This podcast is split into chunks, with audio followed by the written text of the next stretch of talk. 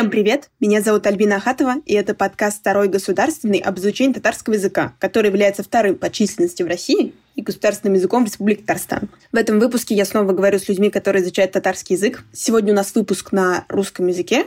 Если вы его не хотите слушать, то подпишитесь на подкаст, чтобы не пропустить татарскую версию, которая выйдет на следующей неделе.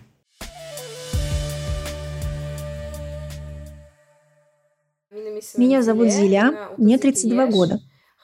Сейчас я живу в Казани, но родом я из Ульяновской области. Там жила в деревне Мордве. Потом мы с папой и мамой переехали в Сызрань, в Самарскую область, когда мне было 10 лет. Спустя еще 10 лет я поехала в Казань поступать. Сама я выросла в русской среде. Но с малого возраста татарский язык я знала, слышала, потому что мои родители на чистом татарском языке в семье всегда говорили, слушали татарскую музыку. И так с детства оно и осталось. Также мы приезжали в деревню на лето, три месяца в говорящей на чистом татарском языке среде. Там даже если заговоришь на русском, все равно бабушки не понимают. Хочешь, не хочешь, а будешь говорить по-татарски. Моя бабушка из Чувашии. Там есть маленькая татарская деревня Сырыли, рядом с нашей, но входит в состав Чуваши. Вот еще и там усовершенствовал татарский язык. Но мой язык не литературный. На каких словах мы говорили в семье, те я и выучила как бабушки говорили. Позже я начала интересоваться, ведь интересно то, как я приехала в Казань. У меня была большая дилемма, куда поступать учиться, в Казань или Москву. В Москве я поступила в несколько университетов, в том числе и в МПГУ. Московский педагогический университет. Там же был факультет татарской филологии или программа, верно? Да, меня туда очень звали. Это русская татарская филология была. И я подумала, для меня это не важно. Для меня важно в Москве или в Казани я стану жить. Мой папа учился в Казани. Я прошла в КГУ в Казани. Он мне сказал, Казанский университет государственный. Третьим в России открылся. Он не педагогический. Поэтому, если ты туда поступишь, будет хорошо. Ну и Казань, ведь Казань. Это ведь Мекка для татар, можно сказать. Мекка для татар А ведь кажется, что Казань где-то далеко, непонятно где. А мы с мамой в апреле приехали. Город и университет посмотреть. Я увидела и подумала, боже мой, так вот какая Казань оказывается. Сходили, сходили в университет и на колхозный рынок, разные места посмотрели. Там было много девочек на татфаке. Я с ними познакомилась, послушала, как они красиво говорят, заобщалась, подружилась. И так вот мой язык тоже преобразился, я так думаю. Если посмотреть на мой род, у меня там есть и мишари. В этих краях мишари живут, и пусть даже не так много мишарской крови во мне, все равно говорение, фонетика, произношение другое. А когда приехала в Казань, поняла, о, вот тут так говорят. Потом начала в театр Камала ходить. Очень его люблю. И так вот язык раз за разом преображался и совершенствовался. А еще я там, где Нурмаркет, знаете ли? Да, у них там в подвале книги. Да, у них там в подвале продавались книги за 10, за 20 рублей. Я их все покупала. Маме и папе покупаю, сама читаю, журналы тоже. Очень часто я много с удовольствием туда ходила. Так тоже язык лучше стал. Как я поняла из вашего рассказа, у вас не было такой ситуации, как у меня или у других людей, с которыми я общалась, что до трех лет ты говоришь на татарском, потом идешь в детский сад, переходишь на русский язык и забываешь татарский. Наверное, так и было. Родители постарались. Три года я пошла в садик. Весь день там по-русски говорила. Но возвращаясь домой, я всегда говорила с семьей по-татарски. И как-то так татарский язык остался. Еще к нам бабушки и родственники приезжали. Они все по-татарски только говорят.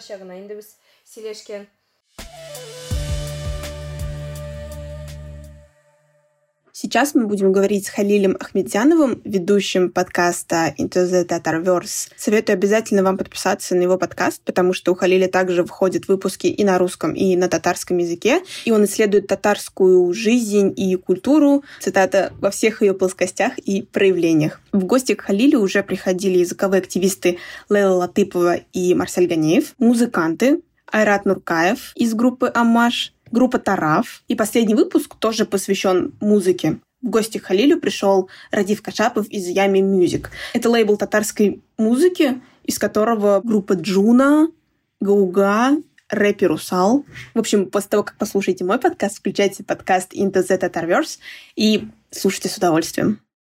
В детстве мои первые слова были на татарском. Я начал на нем говорить. Два года. До 4-5 лет я говорил на татарском. Конечно, в детском саде я начал говорить и учиться на русском. Но в 4 года моя семья переехала в Москву, и там я, конечно, начал говорить на русском. и начал забывать татарский. Когда приезжал к бабушкам и дедушкам в Башкортостан и Казань, говорил на татарском, но не очень много. Да и они начали со мной по-русски говорить. Пытались меня учить, но все равно забывалось. Живя в Москве, очень забывается.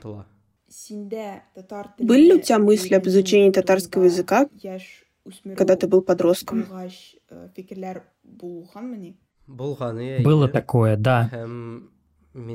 Я пытался писать стихи, потому что когда мне было лет 15-17, я писал стихи на русском. И потом я подумал попробовать писать на татарском. Но я понял, что не получится, потому что ты должен думать на этом языке. И из этого стихи и рифмы получаются. Если ты не говоришь, не думаешь на этом языке, они получаются искусственными. Я думал о татарах и Татарстане в контексте политики, а не литературы. В контексте литературы только сейчас начал думать, в прошлом году. И понял, не придется ни о какой политике думать. Если литературы и языка не будет. Зачем нам этот Татарстан, если мы не, не можем по-татарски говорить? Как ты думаешь, какие у тебя были преграды к тому, чтобы не изучать язык? Хороший вопрос. Но я думаю, что ответ будет короткий. Он мне не нужен был. Мне был нужен, и поэтому я не учил и не думал о нем. Как повлияла жизнь и учеба в Москве на твое отношение к татарскому языку? Ничего не принесло. Я начал очень хорошо говорить по-русски, конечно. Я очень люблю русскую литературу. И вообще литературу люблю, не только русскую. Но по-татарски я много не читал, не писал. Потому что у меня и книг не было. Когда я приезжал к бабушкам и дедушкам, там я немного читал. Но я почти сразу понимал, что ничего не понимаю, и закрывал книги. Как-то дед меня учил читать по-татарски. Когда мне было 9-10 лет. Потому что я не умел. Я не знал алфавит, хоть и учил его. Я не понимал, почему тут пишется как Дедушка мне объяснил, что в татарском «че» она как «ще» читается. Я хорошо знал, как слова говорить, но не знал, как читать и писать. И тут я вспомнил одну вещь. Один человек мне говорил, что я по-русски говорю очень по-московски. У меня есть московский акцент.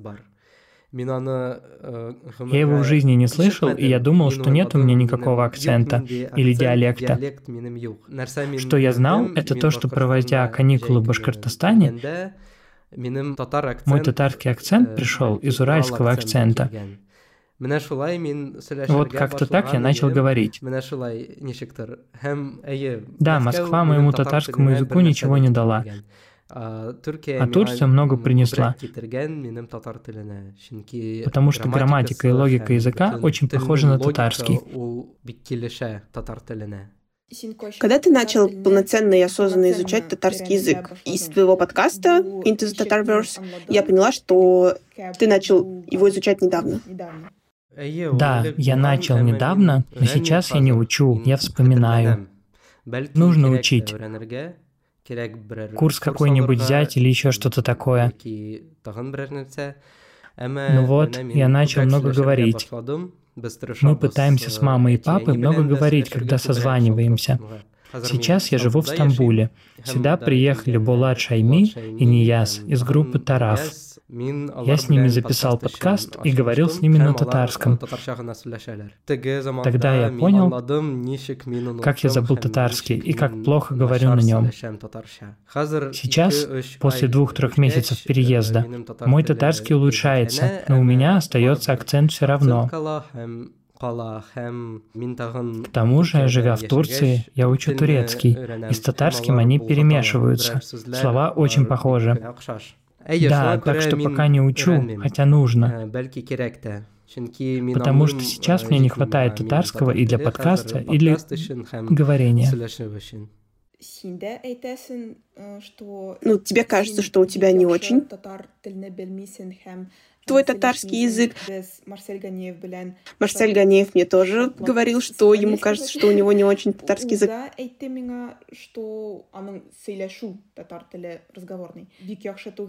Я, конечно, тоже так думаю. Но ведь мы же подкаст делаем и общаемся друг с другом и понимаем друг друга. Мне кажется, это повод для того, чтобы быть оптимистичными.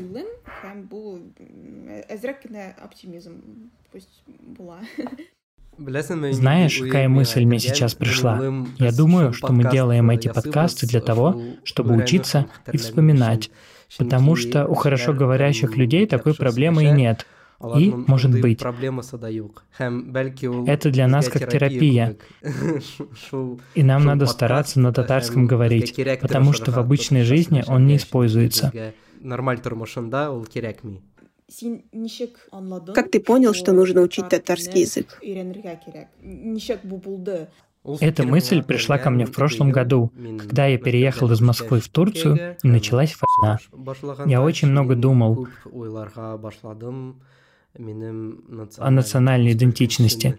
И я понял, что ничего не сделал для своего народа, хотя и типа режиссер и контент-мейкер. Я подумал сделать документальный фильм. Той осенью я ездил в Татарстан и Башкортостан, немного поснимал. Понял, что этот фильм должен быть на татарском языке. Сначала я думал, что будет и на русском, и на английском. На татарском там говорят.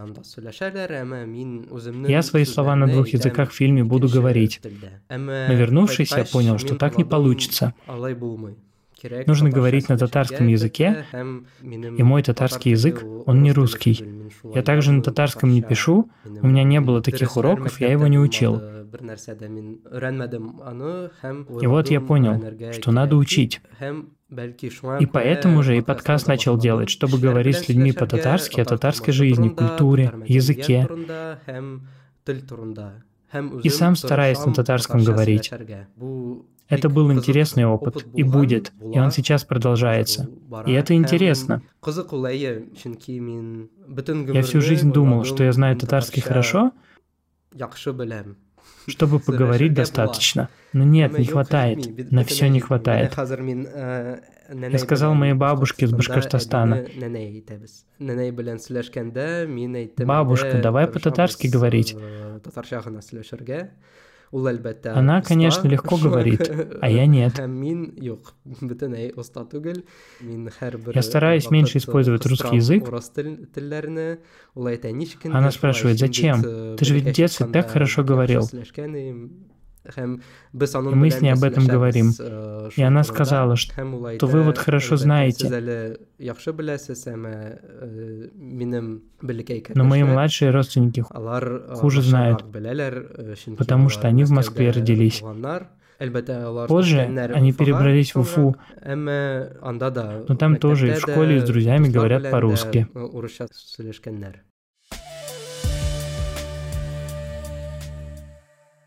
Меня зовут Розанна. Я работаю редактором, копирайтером, видеомонтажером на, на фрилансе. Живу я сейчас около Уфы, но вообще родом из Нефтекамска. Татарский – это мой родной язык. Я слышала его все детство. Моя бабушка, дедушка, мама, папа – все знают татарский язык. Моя мама свободно владеет разговорным языком. Моя бабушка говорит на татарском лучше, чем на русском благодаря тому, что язык окружал меня дома все детство, я легко справлялась с уроками татарского и башкирского в школе, пока они у меня были. Но за пределы понимания разговорной речи мой уровень не поднялся.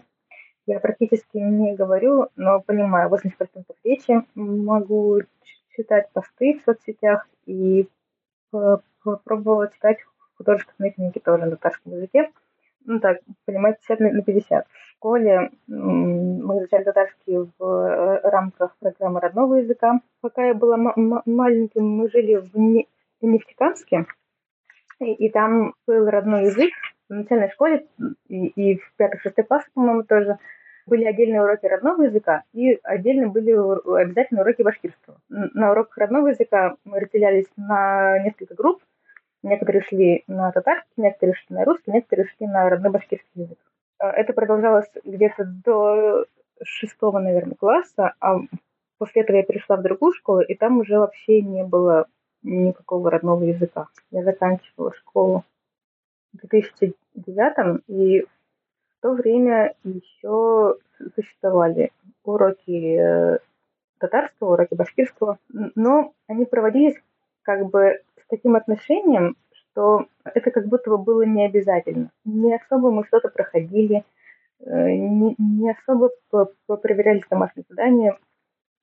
Э, это были просто какие-то уроки ради галочки. Я сейчас живу в одном доме с, моей нянейкой и с моими родителями, ну вот пока лето, с мамой и с нянейкой я стараюсь говорить на татарском языке. Нянейке легче говорить на татарском, она училась в татарской школе. Как, как она сама рассказывает, она когда впервые приехала из деревни в город, она, она знала по-русски только слово «соль». То есть она изучала русский язык уже пытаясь работать. Для нее это родной-родной язык, поэтому и, и, и я именно с ней и ну, с мамой, когда по ситуации получается, стараюсь говорить на татарском языке.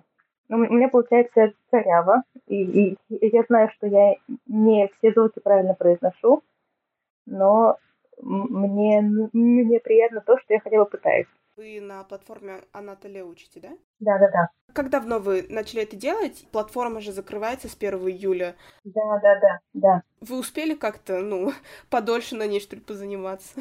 Я начала заниматься буквально месяца два, наверное, назад на платформе Анатолия. Мне она очень нравится, потому что там есть и упражнения на, на говорение, и на понимание, и на чтение, на аудирование. И при этом есть еще и раздел, посвященный грамматике языка. Это очень классно. Я говорю, что это как будто татарский дуалинго. Но, к сожалению, да, эта платформа будет работать только до 30 июля, а я уж успела пройти всего лишь несколько уроков. Поэтому в следующем месяце буду искать другие способы. Я еще параллельно слушаю подкаст Эйда онлайн, там проговариваются разговорные какие-то фразы, разыгрываются э, ситуации из обычной жизни и разбирают разговорные лексики. Вот это мне тоже нравится. Руслан, давайте вернемся к изучению языка. Вы, когда начали изучать его на Анатоле, ну, как вам это было? После вот школьных уроков, после продолжительного времени не изучения языка, какие были вот впечатления, ощущения и сложности? Наверняка же они были. Когда я только начала изучать татарский на сайте Анатоле, я была приятно удивлена тем, что я до сих пор что-то помню.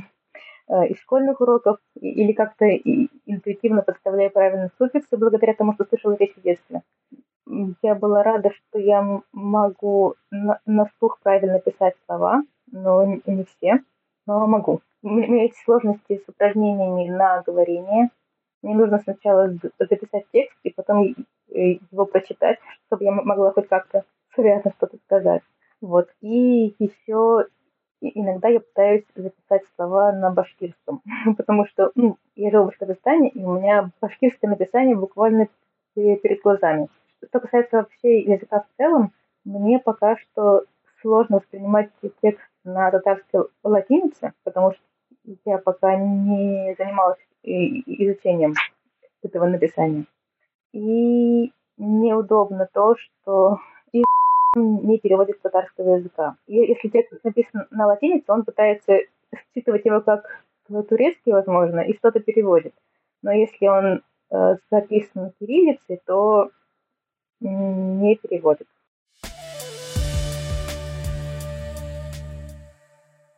В школе я татарский язык не учила, в Самарской и Ульяновской -то области. А потом переехала в Казань, пришла в хор, стала общаться с людьми, стала много татароязычной среды. И сама себя учила, так сказать. После окончания университета я поработала в школе. Оттуда я узнала про открытый университет. Я туда поступила, там были курсы по татарской истории на татарском языке. Я так обрадовалась. Тут ведь сразу двух зайцев можно убить.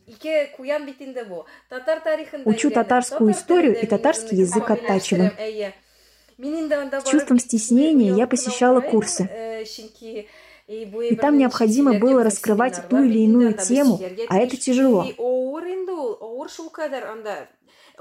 Я многие слова не знала и сидела со словарем, пытаясь перевести, что на лекциях записала. Потому что это научные термины и слова. Поэтому мне было сложнее. Ну, пошла, отучилась. Мне очень понравилось. Так вот, среди татар, о татарах, там столько нового, чего я не знала. Мой папа очень любит татарскую историю. Когда я была маленькая, он нам ее рассказывал. У нас часто такое было, что дома не было света, и по вечерам мы сидели при свечах. Мне лет восемь, скучно. Что делать? А папа говорит, давай я тебе историю расскажу. Про, бул, про, про Булгар рассказывал, как сказку. Ничего не понятно было. Конечно, восемь лет, какие булгары? Но вырастая, я начала понимать, так вот о чем папа рассказывал. А он постоянно рассказывал о том, что в наших краях жили булгары. А я не понимала, как они там жили. После того, как я окончила курсы по татарской истории, я пошла на курсы татарской культуры вместе с сестренкой Лилией.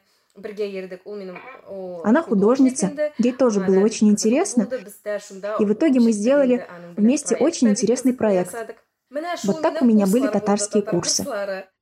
Зиля еще рассказала мне классную историю про свою маму, которая поступила учиться на татарскую филологию, получается, уже в зрелом возрасте и не имея за плечами высшего образования вообще. Недавно моя мама окончила обучение на факультете татарской филологии. Она тоже такой интересный человек. Всю жизнь где только не работала, потому что не было высшего образования. А после того, как я окончила университет, она решила тоже попробовать поступить. Я ее начала расспрашивать, а куда хочет. Вот на татарскую филологию хочу. Так мама попробовала поступить, отучилась и выпустилась. И организовала общество Аккалфак в Сызрани. Раньше там была татарская автономия, А теперь участницы Аккалфа там собираются, кружки, песни, игры организовывают. Туда она сейчас ходит, подумывает открыть курс татарского. В Сызрани ведь, к сожалению, татарским языком особо не занимаются. Но все равно два-три человека приходят, в том числе русские. Даже поп один ходил. А еще есть один мужчина, Александр. Он программист. Он много лет с мамой знаком, все время в гости ходит. И сейчас он так хорошо по-татарски говорит. Ты его слушаешь и думаешь, он татарин, что ли? А он ведь русский. А он ведь Александр, сам чисто русский. Но так вот он татарский язык подтянул. Сам ходил и с женой тоже. Сейчас они тоже по-татарски говорят.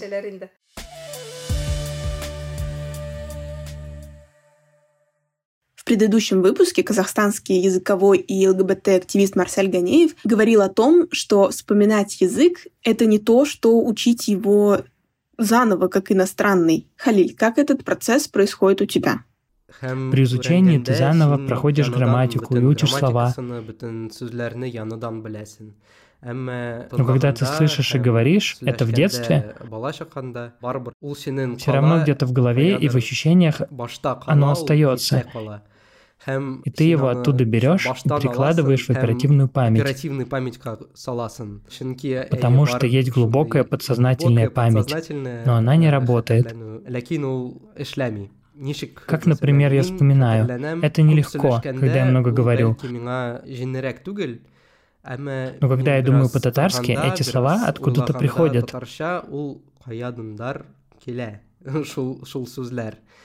В поисках этого всегда становится лучше. Я посмотрел как-то уроки, ничего не вспомнил. Вот сейчас я начал говорить и подумал, что плохо говорю с тобой. Но нет, что-то вспоминается.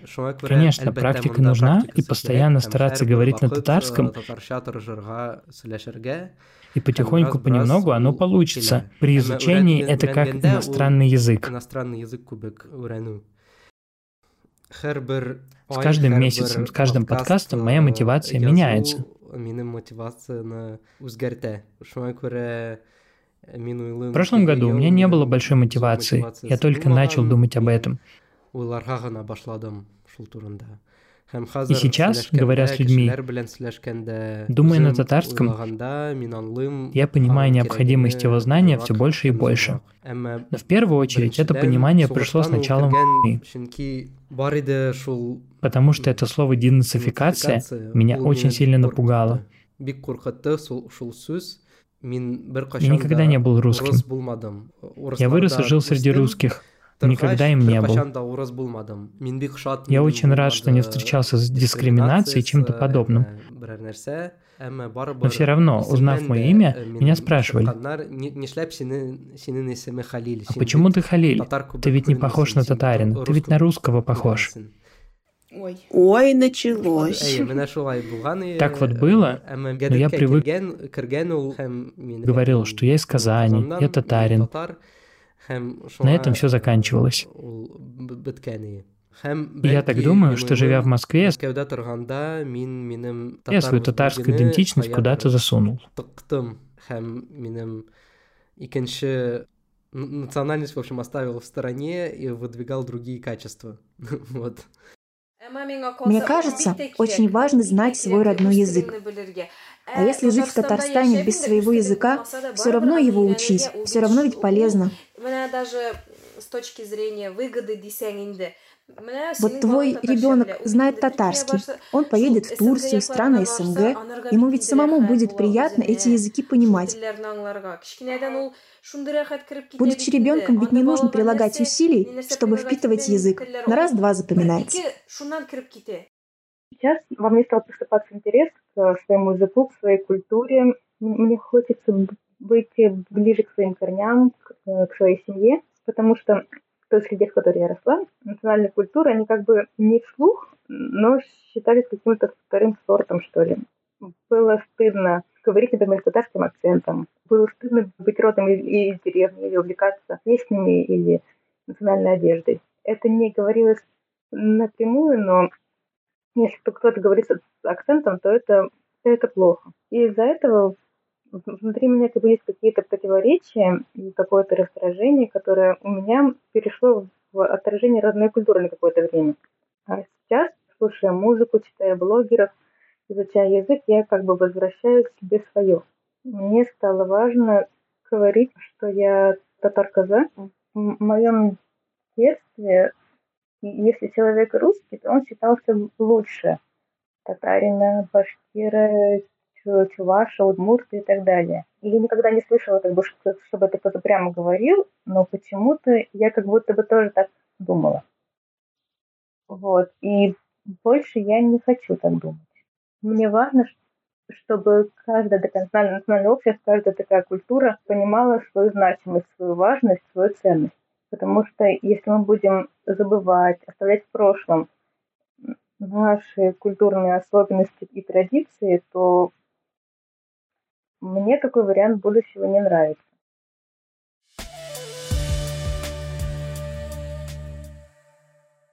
С вами был подкаст «Второй государственный» и его ведущая Альбина Хатова. Надеюсь, что вам было интересно или полезно, или все сразу. Версия этого выпуска на татарском языке выйдет на следующей неделе. А пока подписывайтесь, чтобы ее не пропустить. Ставьте лайки в приложении, в котором вы слушаете подкаст пишите отзывы. Это поможет другим пользователям найти этот подкаст и тоже его послушать, подписаться на него и что-то для себя важное понять. Также подписывайтесь на соцсети подкаста. Ссылки на них указаны в описании. Ну а на этом все. Спасибо, что слушали. Пока.